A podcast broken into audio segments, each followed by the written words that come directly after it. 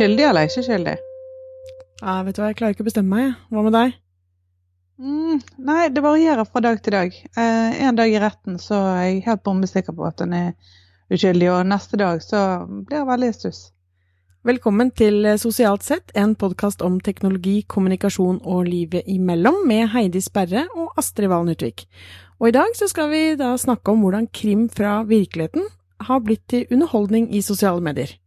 Mm, veldig god underholdning òg. Altså, ja, jeg blir jo helt hektet på sånne ting som dette her. Du vet jo meg når eh, eh, enten det er noe eh, en sånn rettssak som pågår nå med Eirik Jensen og Gjermund Cappell, eller om det er eh, Behring Breivik-saken eller annen type Eller den her er uløst. Altså det er mange kjempespennende eh, krimsaker som, eh, som er absolutt alvorlige, øh, og for de som er involverte, så er det jo en kamp på liv og død. Men Mm. øh, det er jo underholdning òg, altså. Ja, og det har vel eh, Altså, det er vel eh, Det har jo alltid vært, selvfølgelig, nyhetssaker med Altså krimsaker i mediene. I aviser og dekket av eh, nyhetene. Men det har jo skjedd noe nå som det også er ganske mange andre kanaler som tas i bruk. Og Mm. kanskje spesielt etter eh, slutten av 2014, når podkasten Serial kom i USA. Mm. Ja, og den, øh, den ble jo jeg òg veldig hektet på med en gang. Um, den syns jeg har en um, uh, Det er jo litt sånn nyskapende uh, medieformat, akkurat dette her med å Mm. og uh, fortelle både litt sånn underveis, for det er jo det som kanskje skiller seg fra en, en god del, la oss si vanlig litteratur, da, eller eh, en Altså, ja, for så vidt i aviser òg, så har jo de egentlig hatt sånne her rett, rettssak dag én. Eh, sant? Vi har jo hatt sånne følgetonger parallelt, men, men det er akkurat dette medieformatet med podkast, det, det øker egentlig den, den nerven på en eller annen måte. Du, du får masse sånn intervjuer underveis, og, og det er noe med den lyden, og du har det inn i Mm. øret, som gjør at du blir veldig engasjert på en annen måte, kanskje. Ja, og så- Eh. tror jeg det er en sånn uh, Det er jo veldig veldig mye snakk om hvordan mediene, eller hvordan med, altså medievirkeligheten har forandra seg så veldig. ikke sant? Hvor mange, Mm. Uh, hvor mange begrensninger, eller hvor mye de kutter i alle mulige bauger og kanter, og hvor vanskelig det er å lage god journalistikk, og at hvem som helst kan skrive masse overalt, og plutselig så er det liksom Det er en ganske sånn utfordra rolle. Mm. Mens her, med, gjennom da podkastmediet, da, så føler jeg på en måte at det er blitt en sånn eh, gjenoppstandelse for sånn kvalitetsjournalistikk igjen. For Mm. ofte, så, sånn som i Serial, da, så var jo ikke det eh, noe som ble fulgt liksom fra der og da, dag til dag. Det var jo en sak som på en måte de gikk tilbake i. Eh, men, og, da, og at du liksom når, med, når avisene skal skrive om, eh, om en rettssak, eksempel, så har jo de Det må være det umiddelbare her og nå-perspektivet. Og de har begrensa plass, og det har begrensa eh, vinklinger, egentlig, som de ofte henter fram, selv om de mange av de vinklingene ofte kan være litt rare, de òg. Mens her, gjennom podkast, så er det liksom Det er noe med at man kan ta seg så mye bedre tid, føler jeg. Så du kan fortelle Mm. så mange flere aspekter av en hel historie. Men du kan gjøre begge deler. Sånn som med, med Serial, så hadde jo de både en em, eh, retrospekt, en dekning av en gammel sak, men så hjalp de til å få opp en anke. For Mm. de var faktisk med på et slags etterforskningsarbeid der de gravde opp nye beviser eh, som gjorde at eh, de fikk opp ankesaken, og den dekket de fra dag til dag, uke Mm. til uke. Mm. Sånn, det er den kombinasjonen mellom å være hyperaktuell og snuse rundt eh, i det øyeblikket det skjer noe nytt, og samtidig være eh, Ja, ha, ta seg den tiden til å, å grave i gamle saker, som er, som er veldig spennende. Mm. Og det er jo grådig interessant at når, når media er med på og blir ikke bare en observatør, men faktisk en deltaker Mm. og en aktør i kriminalsaker, sånn som Serial ble. Mm. Eh, for det er jo det, det sier jo seg sjøl at eh, journalister, gode journalister, er jo gravende, og Mm. som, som kan jo eh, etterforske nesten på samme måte som, eh, som politiet innimellom, fordi de Mm. bruker så mye tid på dette her, og ser nye vinkler og, og snakker med nye folk, og gjerne går etter politiet i sømmene. Mm. Det er jo da media sin vaktbikkjerolle, Ja, den fjerde statsmakten, kommer Mm. inn i bildet som en sånn fornyet, veldig aktuell, eh, spennende aktør. da. Mm. Og så tror jeg jo også at det er, det er en grunn til at eh, sånn som podkasten Serial, og sånn som vi har sett i Norge med Uløst og, og Purk eller skurk med Erik Jensen nå, ikke sant. Det er jo NRK og VG, og i Serial så er det en seriøs aktør bak. Altså det er en kjempeflinke journalister og, eh, som, ha, som har på en måte et apparat som kan lage kjempebra lyd, og de bygger opp Det er ikke tilfeldig hvem de snakker med når, og hvordan de bygger historien. De Nei, gjør det jo som et sånt eh, masse dramaturgi og eh, som skal gjøre at vi sitter og venter og venter og venter og bare liksom hva Ja, det er storytelling på høyt nivå. Det er akkurat det det er, og det er kanskje det jeg elsker med det. For jeg er jo egentlig ikke sånn krimmenneske. Eh, fordi at jeg, altså jeg Du leser syns det er for skummelt? Ikke le, Heidi. Det er ikke pent. Men jeg, Jeg har anbefalt så mange bra bøker til deg, og du bare Er Nei. det sånn med dreping? altså, jeg har ikke lest krim siden Nancy Drew. Jeg skal være ærlig og innrømme det, for sånn er det. Men, men det har noe også og, og, noe med at Altså, jeg, jeg trenger ikke den der skummel, skummelheten i livet mitt. Altså, fordi at det er eh, Det er bare jeg, Hvis jeg skal lese, så vil jeg ha inspirasjon på andre, andre måter. Men Og når det da er fra virkeligheten igjen, så kan jeg ikke tenke på noe som er verre. For da er det jo ikke sant, altså Fiksjon kan man i hvert fall skylde på er fiksjon. Mm. Men allikevel uh, så sitter jeg liksom og Jeg var på et podkastseminar i går, faktisk, og da, i et av foredragene som var der, så var det en som bare innleda med at Altså, han sa omtrent ingenting, bare trykka på en knapp, og så kom bare de første sekundene av kjenningsmelodien til Serial, og jeg fikk Mm. gåsehud. Mm. Jeg var sånn Å, herregud, nå savner jeg hele det universet. Eh, Og så den der stemmen til Åh. Sarah Koenig. Nei, hva den heter ja, den er bare Og deilig. Helt, det, det, det er bare så fantastisk. Det var kanskje den eh, eh, perioden jeg ble virkelig hektet på podkast. Det var den Mm. aller første Mm. serial-serien. Ja, ja, Og da eh, og det å spare opp noen episoder og ta når du går på tur eller Ja. gjør et eller annet, det, det er helt eh, fengslende. Men, men det var ikke bare du som ble hekta da, altså, fordi det, det var det også noe som viste i går, var vel Google Trends. For podkast har jo vært i uh, mange, mange mange år, men, Mm. men uh, har på en måte vært noe for kanskje litt mer spesielt interesserte. Mens eh, da når Serial kom, i slutten av 2014, så så du liksom på Google Trends at det var enormt med oppmerksomhet. Og Mm. etter det så har det på en måte bare vedvart. Eh, og da ser man jo da sånn som Uløst, for eksempel. Jeg tror de hadde de, de var også der i går, og de sa vel at de hadde 1,3 millioner nedlastninger Ja. på VGs Uløst. Det er jo helt sykt. Ja, det- Eh, og som er da Birgitte Tengs-saken, som veldig mange kjenner til, og, og allikevel som, uh, som engasjerer folk, da. Og, Ja, og så skulle du tro det at folk hadde fått nok, sant. For dette, Ja. den har jo vært dekket i, i årevis, og det har vært anke, og det har vært nå Til og med den der frikjent har jo også vært inspirert av denne saken. Sånn, Mm. sånn at den har jo levd sitt liv i mange kanaler i mange år, men likevel så er det marked for eh, en podkastversjon av Uløst. mm, Eh, og den og det, jeg tror det handler nettopp om det der autentiske. Mm. Altså, det er intervjuer med de aller nærmeste, altså de som er mest berørt her. Og eh, det er fremdeles dette at de snur noen steiner, og at de um, Altså, lyd er et veldig sterkt virkemiddel Mm, på alle mm. mulige måter. Og så tror jeg, for, for min del i hvert fall, og som jeg føler, eller hører litt tilbakemelding på, så er det noe med at de, ehm, ofte så når man skal fortelle en historie da, i andre kanaler, når de skal lage et nyhetsinnslag eller de skal ha et intervju, så er det liksom den ene, og så lurer Mm. man på ganske mye annet rundt. Mens i en podkast så følger du liksom en historiefortelling fra A til Å, og det er sånn eh, hvor da, altså Det journalistiske arbeidet er så bra i, ut, sånn i Mm. bunn og grunn, pluss at det er så bra satt sammen. Så det er når du liksom Ja, ok, så er det intervjua en lensmann som mente sånn og sånn.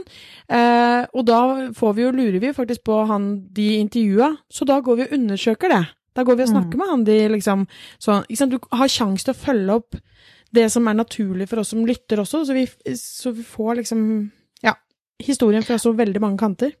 Ja, og så syns jeg at du får nyansert det på en, en Ja. spesiell måte. Og så får du lagt til så mange sanser. For det at for eksempel da med Eirik Jensen-saken, så er det så mye følelser involvert her. Altså her har du, du har jo mange lag med drama her. Mm. Sant? Du har jo, altså Straffesaken er nå én ting, det juridiske er én ting, det etiske er én ting.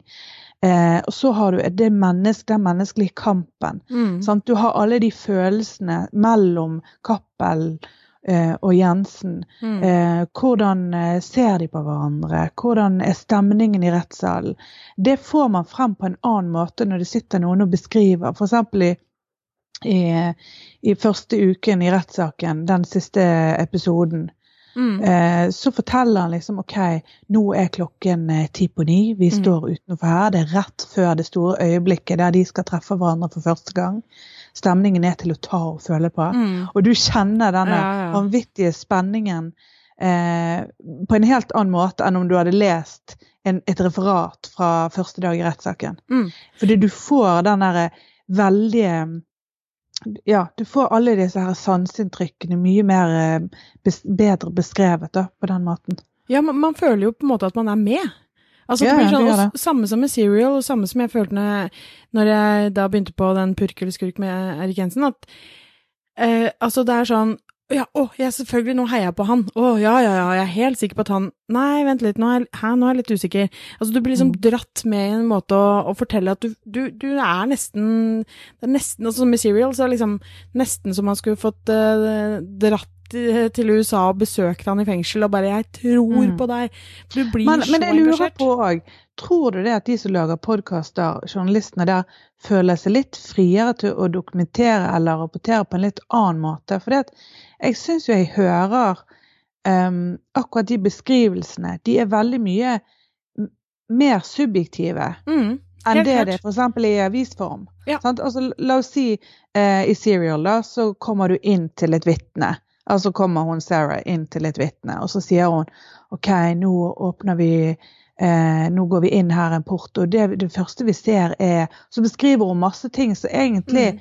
er veldig farget av hennes opplevelse, og som legger føringer for vår eh, fortolkning av det som skal skje videre. mm, Altså la oss si at her er det jo det er rot overalt, og eh, takrenn henger ned og Altså du, Mm. du, du legger et bakteppe på den måten, og så når du da Ja, du, eh, og fikk egentlig en ganske fiendtlig eh, holdning fra begynnelsen. Det var en som gjorde sånn eller sånn, eller Mens i avisen så hadde det stått bare en beskrivelse av samtalen. mm, Sånn at det er jo et ansvar som er enda større, både fordi at virkemidlet er sterkere og beskrivelsene er mer omfattende. og jeg tenker at dette her, både Vær varsom-plakaten og dette med Mm. objektivitet fordrer en mye større um, bevissthet i, Mm. i denne her, dette formatet enn det det kanskje gjør tradisjonelt sett. ja. Og så er- er det det at det er nybrottsarbeid i stor grad. Det er mange som gjør dette for første gang akkurat nå.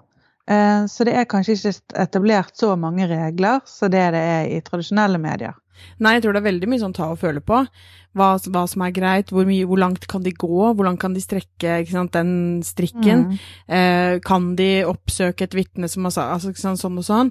Eh, men, men det er jo i hvert fall sånn som med purk eller skurk og eh, an, sånn andre ting som er, det Når det er NRK som står bak, så tror jeg de er forholder seg til Var varsom på samme måte. Mm. Men- men de det- må jo det. Ja, men de snakket faktisk litt om det i går, så vidt. Men de, da nevnte de at eh, Hva var det? Det var hvorvidt en podkast, eller en eh, Ja, en podkast da skulle være innunder nyhetsavdelingen, eller noe annet.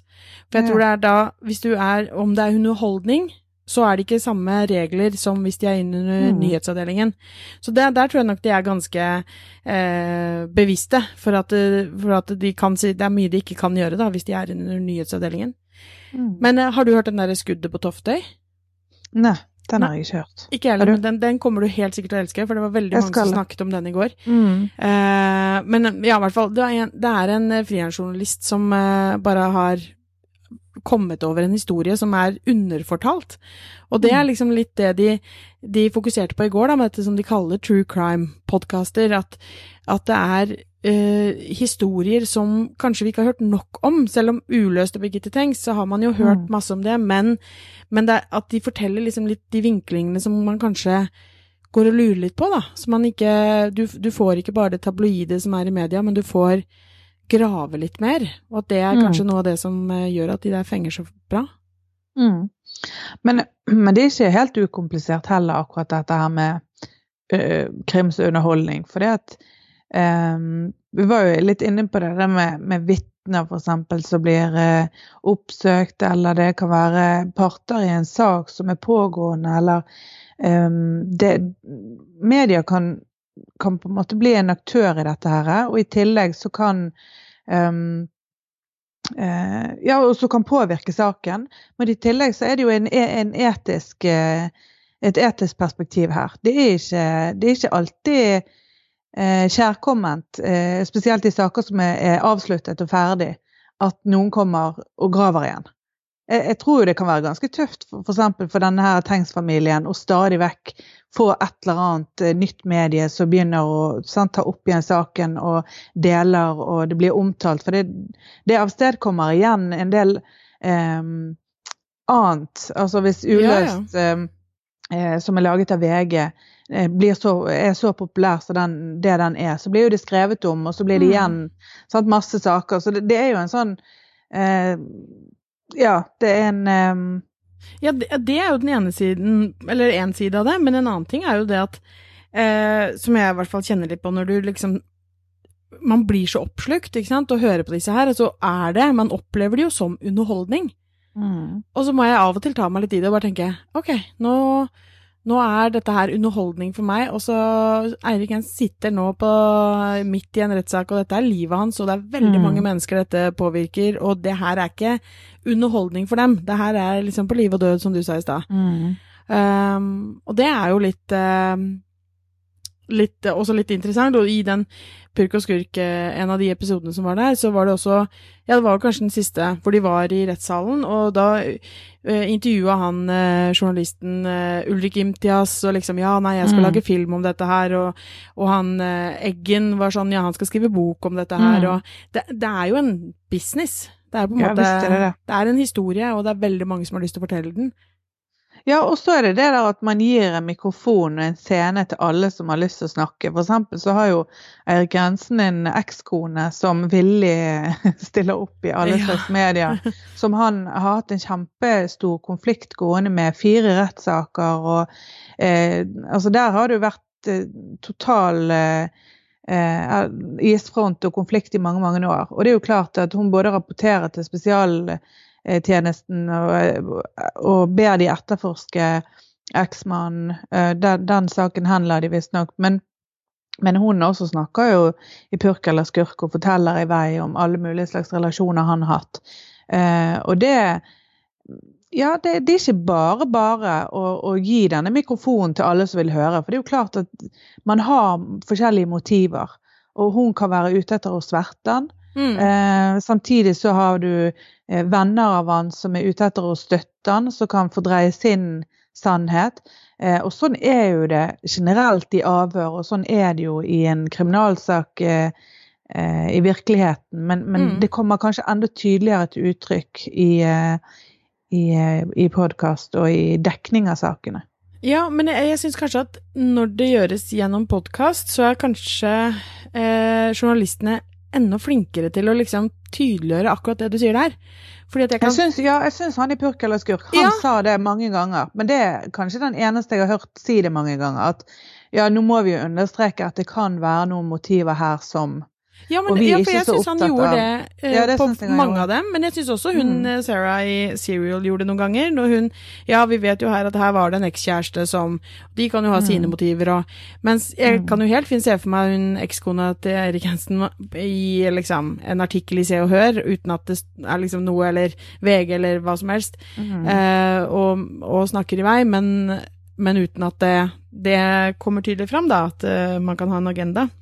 Mm. Ja da, jeg tror nok det, jeg òg. Men eh, nei, det, det, er mm, Det krever en, en, eh, en, høy grad av bevissthet rundt, eh, rundt dekning av sånne saker. Samtidig så tror jeg det òg kan være en, en, berikelse i forhold til nettopp det med nyanser. Så det er jo et mm. toegget sverd, akkurat dette her. Ja, men, Men, eh, hva, med, hva med liksom det der med at uh, Sånn som uh, Altså, akkurat dette med purk eller skurk, da. Uh, så, så nevnte jo du det for meg. Jeg hadde ikke fått med meg podkasten i det hele tatt. Har selvfølgelig hørt om saken uten at jeg egentlig har klart å knytte noe voldsomt engasjement, eller liksom jeg, jeg har ikke lest veldig mye om den i forkant før vi Jeg ba Han jo fra Nesodden og alt. Dette her Og da sa du det, ikke sant? Mm. Og så Da ble jeg jo i hvert fall nysgjerrig, selvfølgelig. Og hva var det første jeg gjorde? Gikk inn på Facebook. Mm. Hva, leste på noen nettgreier, fikk navnet til ekskona, gikk inn på Facebook. Har vi noen felles venner? Hvordan er ikke sant? Og sånn bruker vi jo veldig mye sosiale medier, og blir våre egne sånne små researchere som finner ut av hvem kjenner hvem og gjorde hva, og hva slags profil har de, liksom, ikke sant? Mm. Sånn var det jo på, på liksom denne Hemsedal-saken med Mm. voldtektene. Jeg husker ikke du da vi eh, satt der om kvelden, leste dommen og gikk inn på disse her eh, dommerne, stakkars, som ble jo, ble jo veldig jaget eh, akkurat da. Det ble det. Eh, og gikk inn og så at det var felles venner på Facebook og hjelpe meg, hvordan kan hun, han eh, gjøre dette her? Og Ikke det sant? blir, eh, ja. det, det var jo til og med mer enn det, holdt jeg på å si. Jeg var venn med hun ene dommeren på Facebook, eller er venn med hun ene. Mm. Eh, og plutselig så får sånne saker bare enda Man får de enda tettere på kroppen, da.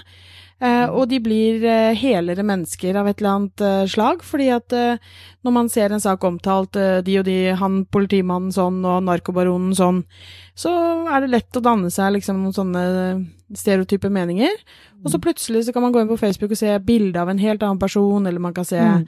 hvordan de er med barna sine, eller, ikke sant. Så det er, det er en annen Man får en større del av personen, da. Ja, jeg tror jo òg det at Facebook på mange måter er en, eh, en supplement til Google. For det at f.eks. for eksempel eh, både Erik Jensen, og nå er ikke han på Facebook sjøl, mens Nei. eh, nåværende samboer er der. Eh, mens eh, Cappell, han er på Facebook. Jeg har gått inn for å bare se. For Ja. du blir Jeg har lyst til å få en mer tredimensjonalt inntrykk av et menneske enn bare det som media portretterer Mm. lyst til å se om man har barn og hvordan de eh, altså det, det er bare menneskelig, den kikkermentaliteten og den nysgjerrigheten for å prøve å finne mer ut av ting. Og det handler ikke bare om at det er liksom sosialpornografi, at man skal grafse i andre folks liv, men det handler om at man har lyst til å sette noen puslespillbrikker på plass. Og når, Ja. man, når, når man får vite mye om noen, så har man lyst til å, å, å se om ja, er det noen flere, er det noe mer her, sånn at det kan Mm. bli en det er jo en slags sannhet vi er ute etter, da. Ja. Selv om vi, vi aldri klarer å finne den, og det er mange sider av en sak uansett. Så, så er det, det er veldig spennende. ja. Men, men Erik Jensen har jo òg en sånn støttegruppe på Facebook. Mm. Og der òg ser du, det er jo det er veldig mange både kjente og eh, profilerte mennesker, og veldig mange av hans ekskollegaer Mm. som står frem med støtteerklæringer. Og, og det, det er utrolig interessant hvordan folk kan se på et menneske som han på så vidt forskjellige måter. Han er jo, han er jo riktignok en veldig kontroversiell person, men eh, det er jo det som har fått han opp i denne her, eh, suppen her. Ja. Men, eh, Jo, men men altså, det er du- du kunne ikke skrevet en bedre kriminalroman enn det som utspiller seg i, i rett nå. Det, som, det livet han har hatt, det er nok sikkert eh, Det er liksom nesten for, eh, Ja, det er nesten for eh, komplisert og, og dramatisk til å, å være troverdig som Ja. en kriminalroman, hvis ikke man hadde visst at det var tilfellet. da. men, men tenk også sånn på Nå er det jo midt i en voldsom rettssak, ikke sant, med ekstremt mange involverte, og alt er presse, og alt er på. Og så sitter mm. Altså, kan man ha en jury. Og tidligere så har man hatt jury som da skal skjermes for media, eksempel, at de ikke får lov å se på nyheter og ikke lese liksom, hovedstadsavisene. Fungerer det fortsatt sånn? Altså, har de, man, har de ikke lov å ha telefon, liksom? For da har du sosiale medier, så har du jo all informasjon du Du klarer ikke å skjerme noen vekk fra hva, liksom. Hører de på podkasten? Altså, Mm. hva Hvordan skal de klare å, å Jeg syns det må være, må være helt grusomt å skulle Mm. klare å forholde seg nøytral når det er så jo en- uh, juryordning, eller heldigvis, noen, det er jo en diskusjon, og det har, den er jo oppe stadig vekk. Men juryordningen blir jo brukt ganske lite i Norge. Men i den grad den, den gjør det, så, så er jo dette helt klart kjempekomplisert. For det, det å, å nedlegge en mediesensur eh, er veldig, veldig vanskelig, og nesten umulig å håndheve òg. Mm. Så da blir det jo å, å la forhandlinger eller rådslaging være innenfor eh, fire vegger i, i et eller annet tinghus, og så må man ikke få lov å komme ut før man er ferdig. Ja, nettopp. Eh, te- men tenk deg jo- når det går en lang rettssak, da. Så Mm. går det flere uker, du kan jo ikke gjøre det. Må sperrer sperre folk inne i mange uker, liksom. Mm. Og det er jo Nei, en det ting er jo jury, men altså alle andre som er involvert, da, som skal Mm.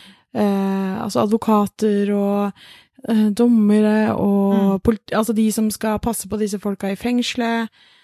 Altså Det er er hvordan de blir Vitnene, påvirket. Sant? For det er jo klart at spesielt saker Der, der er, inneholder jo det ofte eh, hendelser ganske langt tilbake i tid. mm, Og vi vet jo alle det at fotoalbumene er med på å hjelpe minnene våre i forhold til f.eks. barndom. Sant? ja. Det er jo et bursdagsbesøk fra, fra femte klasse som du, tror du husker, men egentlig så var det bare et bilde du har sett, og Ja, så ja. kan det hende du supplerer det med et par følelser eller inntrykk du har hatt. Og sånn er jo det helt sikkert med en god del vitnemål òg, at eh, Mm. du blir veldig påvirket. Og så er vi konforme i den grad at hvis det er mange som sier én ting, så er det helt naturlig at man støtter seg til det, og så tror man at det er mer sannsynlig Mm. eh, forklaring. Og dermed så er- er det noe som man kan bli veldig påvirket av. Mm. Så, så det er jo klart det at eh, eh, jo mer så er informasjon, og jo lettere tilgjengelig det er, jo vanskeligere blir det jo å holde en objektivitet, vil jeg tro. Ja. Heldigvis er jo sånn som disse podkastene som vi snakker om, det er jo underlagt eh, kildekritikk. Eh, altså de, de gjør en god del av disse som vi sier, enten det er Vær varsom-plakater eller andre etiske retningslinjer som journalister er underlagt, Mm. eh, som gjør at det, det, det er en kvalitetssikring. Og, og jeg er jo helt enig med det som vi sa innledningsvis. Dette er kvalitetsjournalistikk på en, Ja. på en, um, en, en um, i et uh, litt annerledes og et uh, nyere format enn det vi har, uh, har sett i mange år i tradisjonelle medier. Og, og det, det er begynnelsen på noe veldig spennende, syns jeg. Ja, definitivt. Og jeg tror ikke Mange trodde jo kanskje at eh, liksom 2016 skulle bli podkastens eh, enorme år, men det, det så vi jo ikke. Men jeg tror at eh, det er masse uløst eh, potensial her. Og det å, å Altså, det er mye snakk om hvordan mediene skal overleve. Eh, Mm. Men her ser man jo at vi er veldig villige til å konsumere kvalitetsjournalistikk. Det er jo ikke det det handler om.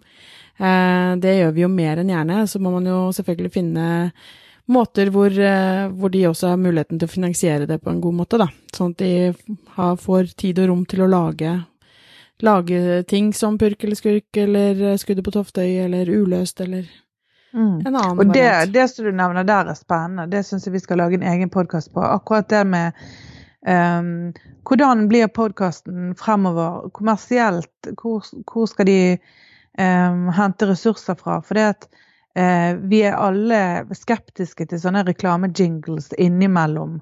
Eh, noen ganger så blir det i forkant. Jeg syns f.eks. Serial løser det på en veldig fin måte med å ha tre-fire faste sponsorer. uh, Mm. Som egentlig kanskje finansierer hele podkasten. Blant annet Mailchimp. Ja. Der de, vi husker jo den veldig godt, Ja, for det, ja, ja. den, den gikk gjennom hele serien. Så det var ikke nye fortløpende. Nei. Og det er jo sånn som vi òg har snakket om og tenkt på. Hvordan, om vi skal gjøre noe kommersielle samarbeid, i hvor stor grad er vi interessert i å la det farge eh, innholdet vårt. Ja. Eh, og det, det var jo diskusjonen i går på denne podkastdagen òg. Mm.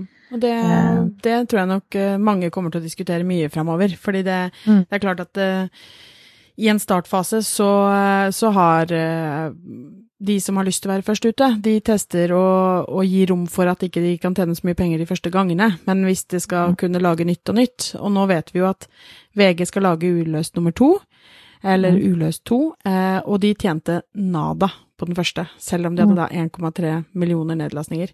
Så det er klart at de må jo justere det konseptet hvis de skal, hvis de skal klare å, å lage mer. Ja, og da må lyttere tåle å, å høre en eller annen form for kommersielt budskap. Men det må jo tydelig, være tydelig. Ja. Og det er en, eh, det er en nøtte å, å knekke, og vi, eh, vi grubler på den sjøl. Hvordan eh, eh, vi, vi ønsker ikke å forringe kvaliteten på, på produktet. Samtidig så er det jo klart at det er en, det er en spennende diskusjon som må tas. Mm. Så, Så det kommer vi nok Ja. til å snakke mer om, tenker jeg. Men eh, nå har vi jo eh, faktisk ikke neste episode, men episoden etter der. Så har jo Mm. vi vært på eh, konferanse igjen, Heidi. Mm. Vi skal nemlig ta med vår lille pod på uh, Social Media Days i Oslo. Yes, det blir gøy. Om en drøy Gleder meg veldig. Det gleder jeg meg Mhm. veldig til. Så da skal vi snakke litt med foredragsholdere og lage litt moro der. Uh, men vi har da en Da kommer jo stort sett hele bransjen, og det, Ja. det er årets uh, happening. Det blir gøy. Så hvis det er noen som hører på som skal dit, så er jo det veldig gøy. Da håper jeg dere huker tak i oss. Um, men eh, som sagt så skal vi ha en episode før den tid. Og nå tenker jeg kanskje vi skal runde av denne. Mm. Kanskje vi har noen eh, episoder av eh, noen krimpodkaster vi skal høre på. Ja, det Jeg tror Jeg er spent på om det kommer en ny av den Purk eller skurk i dag. Ja. Nå når andre uken i rettssalen er over. Nettopp, og de ikke har fått lov å være der. De har jo stengt Mm. dørene. Så da Ja, skulle de de gjøre noe annet isteden. Ja. Finne noen spennende. vitner. Mm. Takk for at dere hører på og laster ned podkasten vår. Det setter vi jo kjempestor pris på. Mm. Det gjør vi. Takk for i dag. Takk for i dag. Ha det.